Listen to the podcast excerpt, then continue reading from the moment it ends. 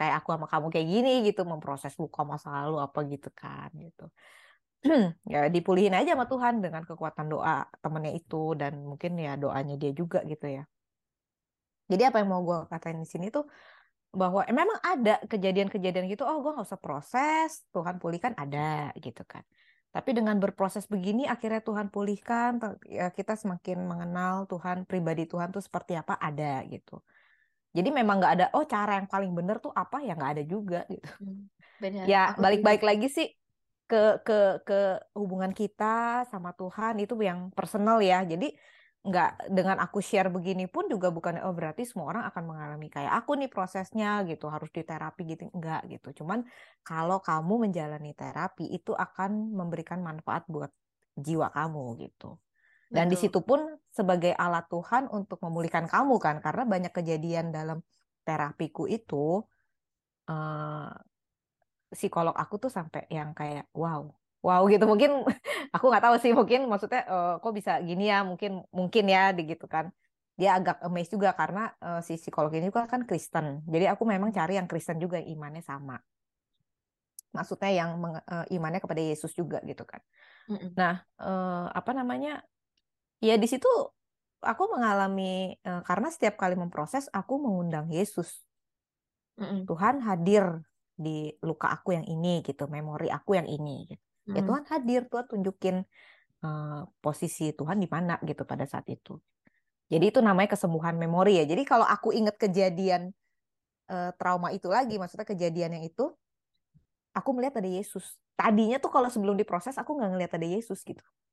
Tapi Hmm. ketika dalam proses itu aku mengundang Yesus hadir, Yesus hadir dan aku bisa melihat posisi Yesus itu di mana lagi ngebelai aku, lagi meluk aku gitu. Jadi itu balik-balik lagi jadi personal ya. Maksudnya Mm-mm. kesebuah memori yang personal dengan hubungan aku dengan Tuhan gitu. Itu sih yang yang eh, dari pembicaraan ini yang kenapa oh harus proses atau enggak ya itu lebih baik-baik lagi nggak ada cara yang benar Fix. gitu maksudnya yang paling benar gitu ya. Betul, betul. Eh, aku setuju sih, Ci. Jadi tiap orang punya proses yang beda-beda dan cara Tuhan juga ada banyak banget. Makanya ada statement kan ya banyak jalan menuju Roma. Itu juga, itu juga setuju sih, Ci. Cuman eh, untuk jalannya Cici, siapa tahu orang-orang di luar sana yang mungkin sejalan ternyata sama Cici juga gitu kan ya. Hmm. Makanya ada juga yang aku sempat dengar cerita dari guru aku atau dosen aku juga lupa siapa. Tapi yang jelas dia bilang kenapa dokter itu banyak banget tapi ya semua dokter ya rame intinya kan walaupun mereka sama-sama bidangnya gitu kan. Karena ada yang sembuh di A eh, ada yang sembuh di A tapi nggak sembuh di. A gitu kan ya. Maksudnya ada yang sembuh di dokter A tapi ah, dia ngerasa oh di dokter A sembuh tapi pas aku datang kok nggak sembuh gitu kan. Eh Mm-mm. pas waktu ke dokter B dikasih obat padahal mungkin obatnya sama tapi mungkin cara treatmentnya cara eh, divalidasinya mungkin yang kayak Cici bilang tadi ya Eh, validasi gitu kan ya didengerin mungkin gitu kan. Terus dia timbul kepercayaan oh kayaknya dokter ini bisa deh mungkin cuman beda obatnya generik sama non generik aja bisa jadi kan eh taunya dia sembuh cenghar gitu kan padahal mm, cuman sehari minum atau dua hari minum gitu kan intinya mm. kayak eh, caranya sugestinya bisa jadi gitu kan jadi eh, kita juga di sini buat sharing aja siapa tahu ada yang butuh atau bingung bisa tanya ke Ci Kartika langsung. Kalau mau tanya Mm. ke mana Ci? Ah, ke ini di buku ini aku ada email ya kartikahartono.t at gmail.com Oke, Atau eh, selain email ke mana lagi Ci? Eh, biasanya sih lewat email ya Oke, email ya. Oke, Eh, siap atau IG ya. Atau di Email IG atau IG. Mm-mm. Nah, saran Cici nih untuk teman-teman di luar sana, mau yang masih muda, yang masih labil, atau yang sudah berusia, yang bahkan mungkin udah jadi parents tapi masih struggling sama emosi, yang di mana para parents yang tahu lah ibarat kata apa sih emosi yang di strugglingin sama Cici apa nih kira-kira? Ada Eh, pendapat? iya kalau kalau saran dari saya sih belajar mengakui ya gitu. Karena sulit banget sih kalau yang mengakui itu dari pengalaman saya tuh mengakui itu sulit gitu. Enggak kok saya nggak marah enggak kok saya nggak punya masalah ini gitu kan. Belajar mengakui gitu di hadapan Tuhan di hadapan uh, manusia gitu. Maksudnya orang ada temen mungkin atau gembala atau konselor atau psikolog gitu yang kita percaya yang uh, bisa memahami gitu. Kalau saya pribadi saya memilih psikolog karena uh, psikolog itu kan ibaratnya orang yang benar-benar nggak tahu kita nih mungkin kalau kalau gembala kita atau teman kita kan tahu kita jadi kayak bias juga gitu. Kalau konselor kan nggak tahu dan profesional kan. Hmm. dan dia pun akan mendengarkan dengan uh, ya maksudnya ya benar-benar dengan il ilmunya dipakai gitu. Mendengarkan dengan empati tanpa judgement. Jadi kita juga merasa aman kan. Jadi untuk pulih pun itu membutuhkan sebenarnya rasa aman gitu jadi butuh juga komunitas yang bisa menerima kita benar-benar apa adanya tanpa judgement gitu ketika kita lagi low, ketika lagi high gitu. Maksudnya lagi dalam posisi uh, tertinggi kita, terendah kita gitu, uh, komunitas kita bisa menerima kita benar-benar apa adanya gitu. Ya itu butuh support system ya gitu komunitas dan di situ kita bisa semakin dipulihkan karena ada tempat yang aman. Jadi kalau uh, bagi orang tua juga terutama tuh uh, banyak banget sih. Justru aku banyak diproses kenapa ketika aku udah punya anak gitu. Karena uh, anak itu kayak cermin ya. Kayak cermin bagi kita gitu. Sebenarnya eh, kan pernah tuh kayak ajaran parenting kan anak-anak tuh tahu aja ya kita tuh punya tombol apa tuh dia bisa no, pencet tombol kita gitu. Sebenarnya tuh anak tuh nggak tahu nggak tahu kita tuh punya tombol gitu. Cuman ketika kita punya anak, kita yang jadi tahu oh ternyata saya punya tombol ini, tombol ini, tombol itu yang tertrigger oleh si anak. Hmm. Ya kan? Nah, itu yang sebenarnya cerminan luka kita waktu kita kecil sebenarnya. Hmm. Cuman kadang-kadang kita nggak nge nih gitu. Kenapa? Tetap fokusnya ke keluar ya itu anak kita Kenapa anak saya nggak taat sama saya gitu? Kenapa anak saya suka suka susah dibilangin gitu kan? Jadi fokusnya ke anak. Kenapa anak saya tantrum gitu kan? Jadi fokusnya ke anak bukan ke diri sendiri gitu kan? Ya akhirnya kan masalahnya nggak nggak selesai ya gitu. Apalagi sampai anaknya remaja, akhirnya anaknya yang dibawa ke konseling ke psikolog bukan dirinya sendiri gitu.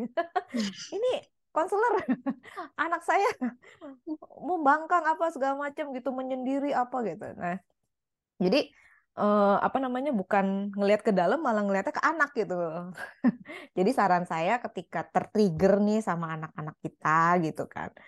Itu mungkin mulai lebih aware ya. Kenapa nih sebenarnya apa nih masalahnya? Kalau ada kesulitan uh, bisa mencari profesional ya gitu yang bisa membantu gitu. Oke. Saran Cici untuk para parent di luar sana untuk cari profesional biar lebih terbantu lagi. Tapi aku setuju sih ini, Ci. Maksudnya uh, kebanyakan dari kita mungkin bukan punya budaya um, orang bule yang di mana mereka juga pasti punya apa konselor-konselor, uh, psikolog yang bantu mereka untuk lebih aware lagi sama diri sendiri gitu kan. Kalau di kita malahan mikirnya, oh enggak, kalau kamu pergi ke sini berarti kejiwaan kamu tanda tanya gitu kan. Apakah jangan-jangan tanda tanya lagi kan. Nanti uh, orang-orang di sekeliling kita, entah temen, entah keluarga, hah kamu ke rumah sakit? Tanda tanya gitu kan. Iya, jadi kayak kayak karena sebenarnya belum biasa aja gitu. Padahal sebenarnya kita tuh butuh. Cuman mm -hmm. memang karena image-image yang yang tadi budaya tadi gitu kan, kita jadi kayak ya takut ya. ya jadi takut. Padahal sebenarnya nggak usah takut, kan kita juga cari jawaban kan ya iya. untuk yeah. ya tapi, biar beneran. Hmm? Uh, tapi ada ada juga yang uh, di kalangan orang Kristen nih, uh, psikolog itu uh, kalau konseling ke psikolog tuh sesat gitu. Ada lu yang sampai nggak boleh konseling ke psikolog.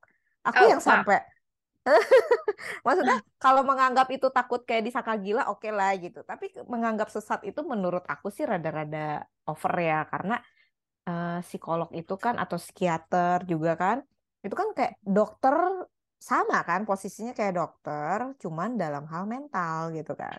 Mm-mm. Nah sekarang kalau misalnya kita sakit mah si tipes gitu misalnya bisa nggak berdoa? Bisa gitu kan Tuhan sembuhkan tapi ada kalanya ya Tuhan mau pakai dokter untuk menyembuhkan kamu gitu kan.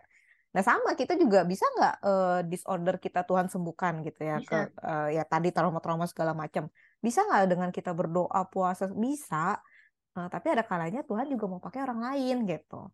Jadi eh, ya kalau ya saran saya sih kalau misalnya nih dia sampai dilarang-larang nih sama orang di dalam gerejanya entah itu eh, ya siapalah gitu ya.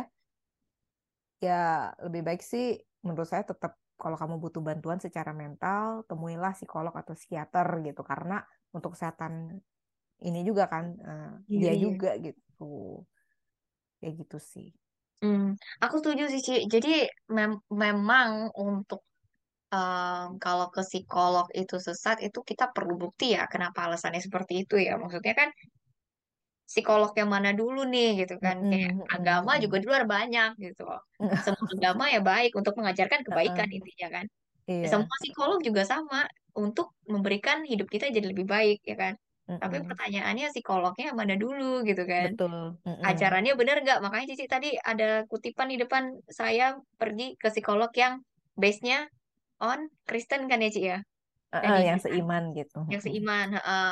Mm-mm. yang di mana ya menurut aku benar gitu. Maksudnya ya dia punya value-value-nya yang menguatkan itu juga. Biar kitanya juga kayak Mm-mm. ya nggak ke mana-mana gitu kan arahnya. Dan Mm-mm. ya sebenarnya mungkin di luar sana ada psikolog yang yang bisa membuat membawa kita ke sana. Aku sih nggak menutupi kemungkinan itu ya, Mm-mm. Ci. Betul, Maksudnya betul, kayak betul.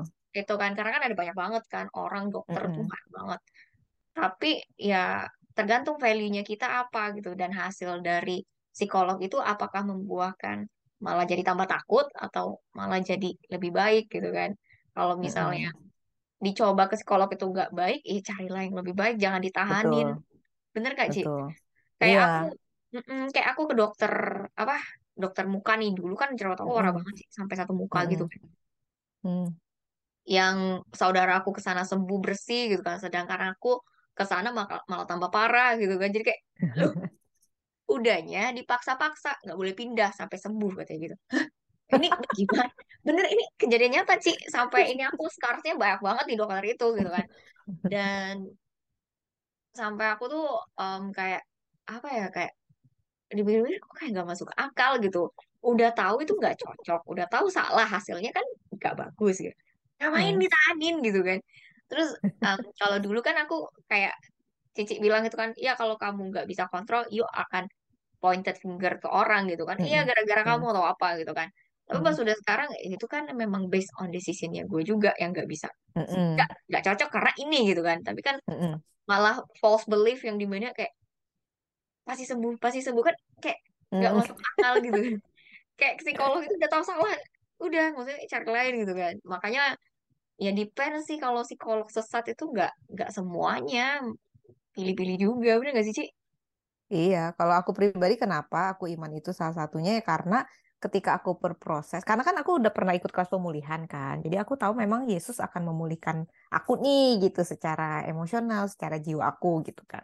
Nah, kenapa aku memilih psikolog yang Kristen? Kenapa? Karena bukannya aku diskriminasi gitu ya, tapi karena aku ingin ketika aku memproses luka aku ini, aku ingin melibatkan Yesus gitu. Nah, kalau imannya nggak sama-sama aku kan dia nggak ngerti Mm, mm. ya kan? Bener, nah ini preference-nya aku. Ada juga maksudnya kayak yang aku orang-orang Kristen yang ke psikolognya nggak Kristen juga nggak nggak ada masalah gitu. Cuman aku pribadi aku prefer eh, yang Kristen. Kenapa? Karena ya itu ketika aku memproses karena aku ingin mengundang Yesus gitu dalam luka aku ini gitu seperti Mm, itu cuman ya, ya yang punya jadi udah dia udah Kristen tapi dia punya kapasitas secara profesional gitu loh mantep itu banget udah Heeh, double itu combo maksud aku gitu kalau karena kita waktu aku Hah?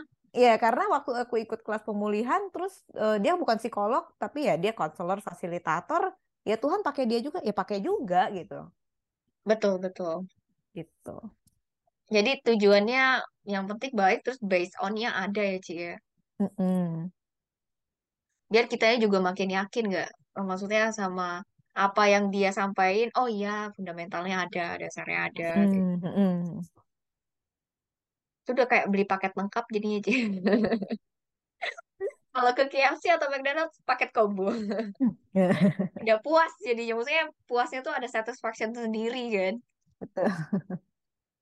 Terus kita balik ke bukunya Cici suggestion Hmm. untuk saran buat teman-teman di sini.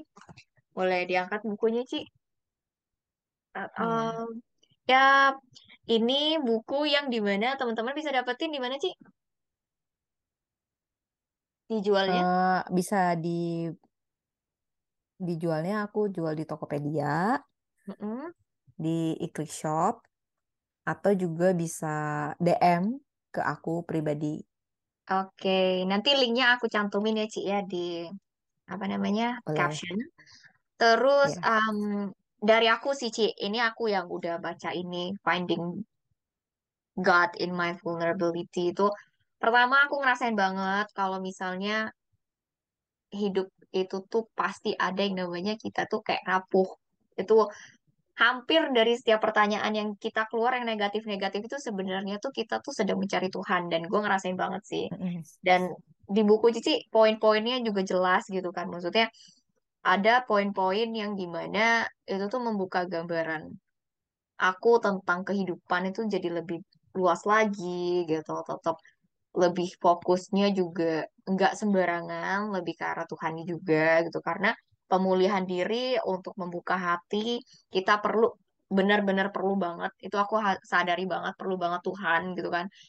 Dan apa namanya di sini juga poin-poin poin-poin pentingnya Cici yang ditulis di sini beberapa yang aku dapatkan itu terjawab di sini gitu.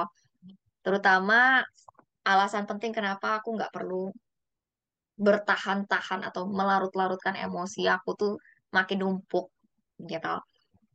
Itu sih dari aku. Oke. Eh, Ya, thank you ya udah mau baca, mau berproses gitu karena nggak nggak banyak juga gitu orang yang mau gitu. Aku salut. Thank you. Angkat Lebih salut dulu. lagi sama Cici. Lebih salut lagi sama Cici yang udah 20 tahun tambah 3 tahun tambah 3 minggu. Wow. Itu aku kayak wow. Sampai keren lah. Aku mesti banyak belajar nih kayak sama Ci Kartika. Iya, Kalau aku juga sampai nih, sekarang kan masih belajar. Hmm. kalau boleh tahu nih Ci, um, Hmm. Cici kenapa sih bisa bikin Finding God in My Vulnerability book ini? Iya, eh, ini yang tadi seperti aku bilang gitu ya dari dari proses aku gitu selama satu dua tahun terapi itu, hmm, akhirnya kan aku menemukan, oh jawaban aku selama ini yang konflik-konflik batin segala macam dengan iman aku gitu kan. Nah di sini eh, aku sih tujuannya pengen makin banyak eh, anak-anak Tuhan, maksudnya anak eh, orang-orang yang imannya kepada Kristus, entah itu Kristen atau Katolik gitu ya, yang mempercayai eh, Yesus gitu, atau bahkan yang eh, di di luar agama Kristen pun untuk lebih aware gitu. Nah, kenapa aku specifically ke khusus kepada pengikut Kristus gitu, ke pengikut Yesus? Karena menurut aku eh, tentang mental health issue ini kurang diadres di gereja-gereja gitu. Hmm. Karena mungkin banyak pemikiran dengan iman semua beres, dengan doa semua beres, dengan baca firman semua beres gitu. Karakter bisa berubah gitu. Nah, nah, aku menemukan dalam perjalanan aku ternyata tidak begitu. Ternyata banyak hal yang mempengaruhi eh, untuk karakter kita berubah. Hmm. Hmm. Nggak cukup tuh cuman eh, apa doa, puasa, rajin melayani, rajin baca Alkitab. Itu nggak bikin kita tambah empati juga sama diri kita sendiri gitu kan. Jadi eh, menurut aku nulis ini biar semakin banyak orang eh, Kristen atau Katolik gitu ya, yang imannya kepada Kristus, semakin aware gitu bahwa oh ya saya punya eh, saya begini nih punya pertanyaan seperti ini, saya punya isu kemarahan, saya punya isu eh, apalagi rasa tertolak itu adalah hal yang wajar sebagai manusia gitu loh. Dan Hmm. Tuhan mau memulihkan saya. Dan Yesus peduli nih sama kondisi mental saya nih dibanding dengan apa yang saya lakukan buat Tuhan. Misalnya pelayanan saya udah hebat nih, tapi Hmm. saya punya isu ini yang ibaratnya sisi gelap lah ya, sisi gelap Mm. yang nggak pengen diketahui nama orang, kita punya masalah ini, eh, kita nggak karena kayaknya malu gitu ya kayak udah udah pelayanan, udah ikut Tuhan 20 tahun atau 30 tahun gitu ya, tapi masalah ini nggak beres-beres gitu kan. Masalah karakter atau apa gitu. Nah, ini saya pengen address gitu bahwa it's okay gitu bahwa kita kan manusia. Tuhan kan menciptakan kita kan tubuh jiwa roh. Mm-mm. Jadi waktu Tuhan eh, apa waktu kita menerima Yesus sebagai juru selamat itu kan roh kita sempurna, roh kita sempurna gitu kan. Mm. Mm. Tapi jiwa kita itu masih butuh dipulihkan oleh Tuhan dan kita harus mengizinkan kan. Nah, itu yang proses kan. Nah, ini saya mau eh, pengen address gitu bahwa ketika kamu punya masalah kemarahan, masalah eh, apa tuh behavior yang maksudnya eh, kelakuan-kelakuan karakter-karakter yang menyimpang gitu. Itu eh, nggak usah malu tapi bawa ke Tuhan gitu, bawa kepada terang Tuhan.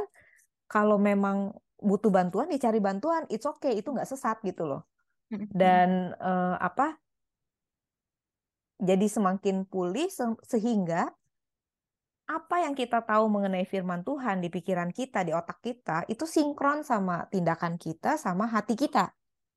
Kita nggak ngomong firman A tapi kelakuan kita B gitu loh. Tapi belajar bagaimana mensinkronkan apa yang sudah kita tahu dan melakukan kebenaran.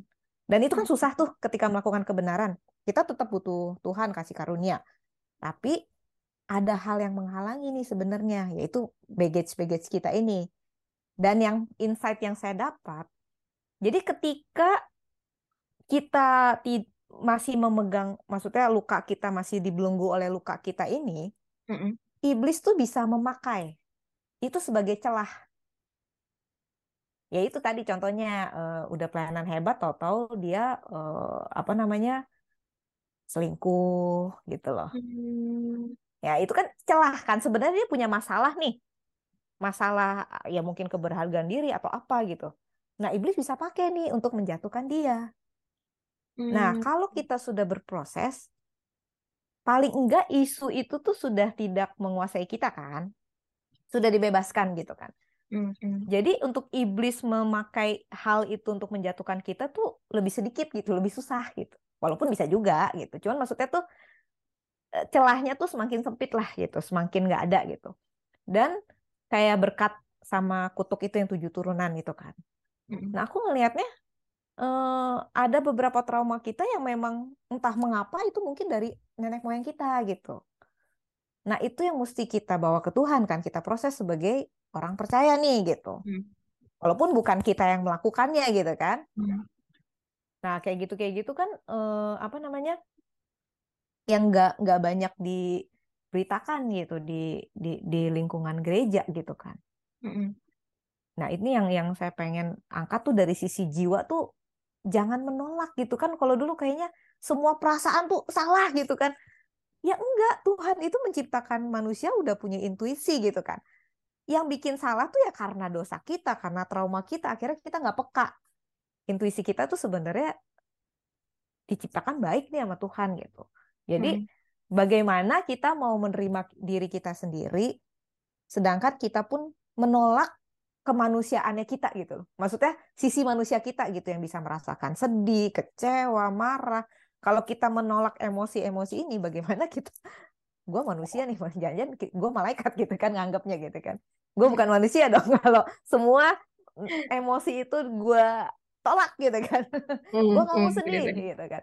Padahal kan ya sedih, kenapa? Ya wajar gitu kan. Kenapa sedih nggak boleh gitu kan Mm. kayak gitu gitu yang kayak ada bersukacitalah senantiasa gitu kan jadi ketika kita lagi sedih kita ingat firman itu kita bersukacita jadi prosesnya salah gitu akhirnya menumpuk si rasa sedih itu kan dipendem bukannya setelah kita mengakui Keluar. kita berproses baru di eh, apa namanya baru kita mengafirmasi kebenaran firman gitu kan Mm, jadi yang yang paling tahu tuh diri kita sama Tuhan sih sebenarnya kondisi kita tuh gimana gitu. Apakah benar-benar nih kita lagi bis- sudah bisa bersuka cita atau kita masih berpura-pura bersuka cita Bersuka gitu. cita. Wow, deep banget sih, dalam banget. Ya, kayak gitu. Jadi tujuan aku nulis buku tuh biar makin banyak eh, yang aware gitu ya, terutama yang orang Kristen, Katolik, bahwa hal-hal kejiwaan ini tuh normal dan memang pasti setiap orang sebenarnya mengalami gitu. Dan Tuhan mau memulihkan. Itu sih yang paling penting ya. Jadi proses jalanin aja gitu. Jangan ditolak. Setuju, proses jalanin aja. Nah, buat Cici nih, em, apa namanya, masukan dari Cici buat kita-kita yang masih muda gitu, yang mungkin dengerin Hmm. ini dan ngerasa kok kok kayaknya topiknya berat banget gitu kan, yang ngomongin Tuhan, ngomongin masa lalu, ngomongin apalagi uh, intuisi gitu kan, terus juga iman, kok kayaknya berat banget gitu kan.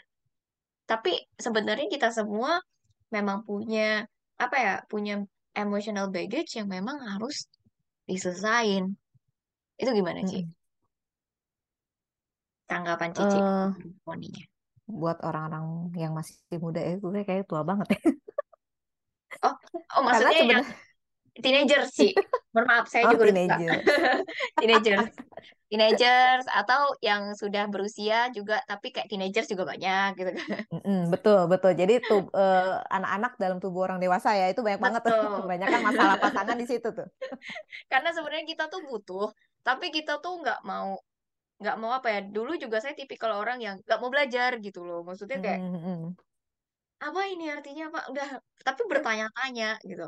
Sehingga jawaban yang aneh-aneh muncul gitu kan. Mesti kayak karena males tadi nggak mau cari akhirnya pertanyaannya masih ada emotional baggage-nya belum kelar Mm. jawaban instan. Jadi dengar A ngomong apa oh iya mungkin bener. Dengar B ngomong apa oh iya mungkin bener gitu kan. Saking malesnya nggak mau belajar dan nggak mau koreksi diri gitu kan. Jadi ya udah membenarkan semua semuanya yang kita cari buktinya sendiri nih oh iya bener kan pantasan aja A bener ya udah gitu kan jadi makin aneh gitu karena ya ya itu tadi nggak mau kerja gitu kan nah itu menurut Cici Mm. gimana tuh Iya, eh, jadi kalau yang eh, apa namanya? Sebenarnya kalau pertanyaan tentang ini pasti akan ditanyakan seumur hidup kita gitu ya. Itu udah-udah apa yang Tuhan taruh lah untuk kita tuh selalu mencari arti hidup gitu kan. Mm-mm. Nah, kalau untuk remaja kan ada hormonal juga ya. Mm-mm. maksudnya ada pengaruh hormon otomatis gitu. Jadi dengan pengalaman hidup dia eh, mungkin ada yang kurang beruntung, yang orang tuanya eh, mungkin kurang hadir secara emosional gitu kan. Itu sih saya cuma mau bilang bahwa Tuhan tuh sayang sama kalian gitu. Nah, sebisa mungkin cari profesional atau eh, mungkin komunitas di gereja gitu di komsel yang bisa dipercaya untuk sharing ya. Karena itu butuh butuh sekali untuk kita membicarakan apa yang kita rasakan ke orang yang kita percaya sebenarnya. Dan eh, karena semua orang kan butuh di- didengar butuh dilihat gitu kan. Nah itu penting. Apalagi dalam usia remaja kan lagi pencarian jati diri nih. Jangan sampai disimpan sendiri jangan sampai di, di, dipendem. Tapi cari bantuan di, di, di, di komunitas yang sehat tadi ya gitu. Terus kalau yang sudah berumur gitu, memang akan lebih sulit karena kan itu sudah terbentuk berpuluh-puluh tahun gitu. Tapi eh, selama kita mau, saya yakin sih nggak ada yang mustahil ya. Memang Mm. ti- tidak akan mudah dan tidak akan cepat proses, nggak ada yang instan gitu. Tapi ketika kita mau dengan kasih karunia Tuhan, itu pasti bisa gitu. Dan sabar aja terhadap prosesnya karena nggak akan nggak akan terjadi dalam semalam atau setahun gitu, bertahun-tahun gitu. Tapi akan yang itu yang aku lihat jadi kayak semakin disempurnakan seperti Kristus tuh ya seperti ini ketika kita berproses terus dan terus gitu ya. Dan akhirnya firman Tuhan yang tadinya sulit untuk kita taati jadi lebih mudah gitu. Jadi lebih apa ya ngeflow aja gitu. Hubungan kita sama Tuhan juga kan aku kadang ngerasa Tuhan kok kayak jauh gitu ya. Mm, mm. Eh, Padahal Tuhan kan nggak pernah jauh ya, tapi rasanya jauh aja gitu. Nah ini berhubungan dengan trauma aku eh, dalam pola pengasuhan kan, karena tadi nggak deket sama orang tua, jadi aku ngeliat eh, ayah aku tuh seperti Tuhan gitu loh. Tuhan tuh seperti ayah aku gitu. Oh dia nggak peduli. Padahal Tuhan bilang dia akan memelihara hidup aku kan.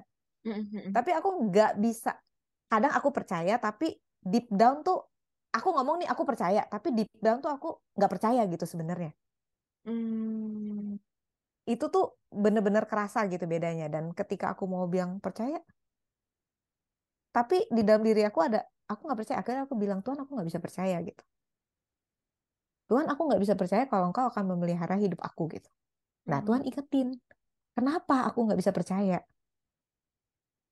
ya karena waktu pengalaman hidup aku ketika aku minta sesuatu papa tuh seingat aku ya nggak pernah ngasih. Kalau yang aku minta ya bukan aku disekolahin gitu enggak tapi aku minta apa gitu misal mainan atau apa ya biasalah anak-anak gitu ya. Nggak pernah dikasih selama aku minta apa gitu loh. Yang se- yang yang sesuatu yang aku pengen nih yang aku inget gitu ya. Nah itu tuh ya jadi aku nggak berani minta sama Tuhan padahal cuma minta doang loh. Kata Tuhan minta. Aku bilang aku nggak bisa minta minta doang minta doang aku nggak bisa karena pikiran aku tuh ah udah pasti aku nggak akan dapet deh. Nah itu tuh, tuh Tuhan proses aku sampai aku bisa percaya sama dia. Ada kejadian-kejadian dalam hidup aku yang Tuhan tunjukin dia tahu keinginan hatiku dan dia memberikannya hal-hal sepele gitu. Jadi dalam kejadian itu tuh aku jadi kayak belajar mempercayai oh Tuhan. Itu hubungan personal ya. Maksudnya oh ya Tuhan bisa gue percaya. Oh Tuhan akan kasih. Itu kan kejadian yang personal gitu. Nah Tuhan tuh bisa memproses kita tuh seperti itu gitu. Hmm. Jadi sebenarnya topik yang kita ini bahas berat apa enggak nih, mungkin berat mungkin ada yang ke-trigger ya kan? Beratnya mungkin di sana ya gitu. Karena memang ketika kita mengalami trauma trauma itu nggak harus sesuatu yang kejadian yang dahsyat ya yang besar gitu ya. Tapi hal kecil misalnya ah masa gitu aja nggak bisa. Nah itu tuh bisa jadi trauma bagi kita. Hmm. Kita merasa dipermalukan oleh orang tua kita atau teman kita gitu.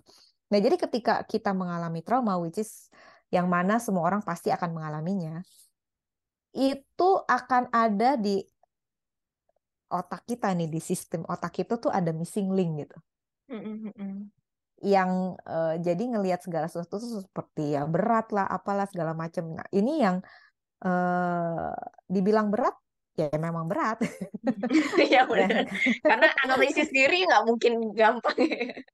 nah, dan bukan masalah berat sih masalahnya nggak mau kita tuh Iya, nggak mau itu. nggak enak kan nggak enak karena orang manusia tuh cenderung pengennya enak kan jadi Iya. kalau sesuatu yang nggak enak dia udah deh ngehindar nah karena ya itu tadi trauma respon kita lagi. Kalau nggak ada yang enak kita kabur. Nggak ada yang enak kita kabur. Udah nggak usah dipikirin lah. Hidup dibawa santai aja dibawa happy aja gitu kan. Tapi sebenarnya ada masalah nih gitu. Dan dia nggak mau Iya. ngakuin gitu kan. Nah kayak gitu. Sebenarnya sih eh, lebih ke sana ya gitu. Lebih karena ada problem sudah terbiasa menghindar akhirnya ngedenger topik kayak gini aduh kayaknya ini berat banget nih. Kayak gue nggak sanggup. Ya nggak apa-apa juga. Kalau memang memang topik Belum. ini akan ada beberapa orang yang tertrigger ya gitu tertrigger yang mungkin jadi nggak karu-karuan gitu bisa. Jadi ini ada trigger warning nih sebenarnya di depan. Karena kan pola pengasuhan kita kan budayanya sama kan. Banyak kan eh, orang tua sibuk bekerja kan gitu. Nah takutnya Betul. kan ada kejadian yang kayak gimana gimana dia teringat lagi gitu. Hmm, bener-bener, Ci. Oke, Ci. Em, Kartika, thank you so much udah hadir di sini, sudah berbagi dengan hal yang luar biasa banget, cerita panjang, di mana ini bermanfaat buat kita, siapa pun yang punya emotional baggage. Setiap orang ya, menurut gua kayaknya, termasuk gua sendiri juga masih proses. Kadang kalau misalnya gua ngerasa kayak em, nggak berdoa aja, cuti aja berdoa seminggu aja gitu kan. Udah nggak Hmm. karuan deh. Semua yang jelek-jelek tuh kayaknya ya marah lah, ya dengki lah, benci lah, males lah, semua keluar gitu kan. Tapi Heeh. itu, itu bener ya? Cici setuju nggak? iya iya Iya, jadi dan kayak dan dan bahkan eh, yang paling berasa banget ya hubungan sama Tuhan tuh ya ini karena bahkan ketika dulu nih aku pelayanan Mhm. itu ternyata untuk menyenangkan hati Tuhan ngerti nggak? Untuk penerimaan Tuhan secara aku nggak sadar. Hmm, hmm, biar aku tuh diterima Tuhan gitu. Ini semua di alam bawah sadar ya? Hmm, aku hmm, nggak sadar ketika melakukan itu gitu. Tapi kalau aku review lagi sekarang iya banyak hal yang aku lakukan buat Tuhan tuh kesannya untuk Tuhan untuk Tuhan. Tapi sebenarnya ada trauma respon aku di sana di mana sebenarnya aku pengen pengakuan dari Tuhan jadi ketika aku nggak pelayanan tuh kayaknya nggak enak sampai aku mendapat peneguhan dari Tuhan kamu nggak ngapa-ngapain aja kan ibaratnya kamu diem aja nih aku sayang kamu, aku terima kamu. Coba, aku nerima kayak gitu gimana nggak nangis gitu kan? Tuhan, Terharu. aku nge, nge- nge- iya kan, maksudnya kamu tuh diem aja deh, kamu diem aja, aku tuh sayang sama kamu. Sampai karena bagi aku tuh kalau aku nggak pelayanan, aku nggak berharga, aku nggak enak gitu. Nah, Tuhan mau membereskan pemikiran aku yang salah itu, Tuhan proses sampai Tuhan ngomong kayak gitu dan sampai Tuhan buat aku bener-bener aku nggak pelayanan gitu loh. Yang udah kamu urusin aja dulu ini diem gitu. Terus setelah Sampai Cici aku menang gitu. sampai menang-menang nih maksudnya gimana nih, Ci? Sampai menang tuh sampai bener-bener ya aku bisa menerima diri aku bener-bener apa adanya tanpa embel-embel pelayanan gitu loh. Ini nih Wah, Kartika bukan pelayan Tuhan gitu ya, bukan yang melayani apa gitu ya, bener-bener Kartika es Kartika, aku bisa merasa nyaman gitu. Itu susah, itu nggak gampang. i- i- iya itu setuju sih, bener-bener bener banget. Yang di mana itu mungkin kita melabeli diri kita ya jatuhnya, Ci. Mm-mm, mm-mm. Kalau kita nggak ngelakuin tuh rasanya tuh gerah gitu, nggak nyaman gitu kan Iya, jatuhnya. kerjaan, attachment kan, attachment ke pekerjaan, status, menikah, nggak menikah gitu kan. Mhm, Nah itu sulit banget menerima kita gitu. Apa adanya bener. Tuhan. Makanya kita butuh Tuhan buat meng, mengapa ya, memvalidasi harga diri kita, ya kan Ci ya, maksudnya karena Iya, tuntutan manusia kan eh, apa hidup, kalau sekolah, kalau nggak sekolah jadi label iya, gitu kan, kalau nggak, iya. ya kan, kalau nggak, eh, Kalau nggak ini, ini gitu kan. ya kalau nggak, ini pokoknya pokoknya fase segini kamu harus begini, kalau nggak gini, wah Ya, langsung berakar pinak beranak pinak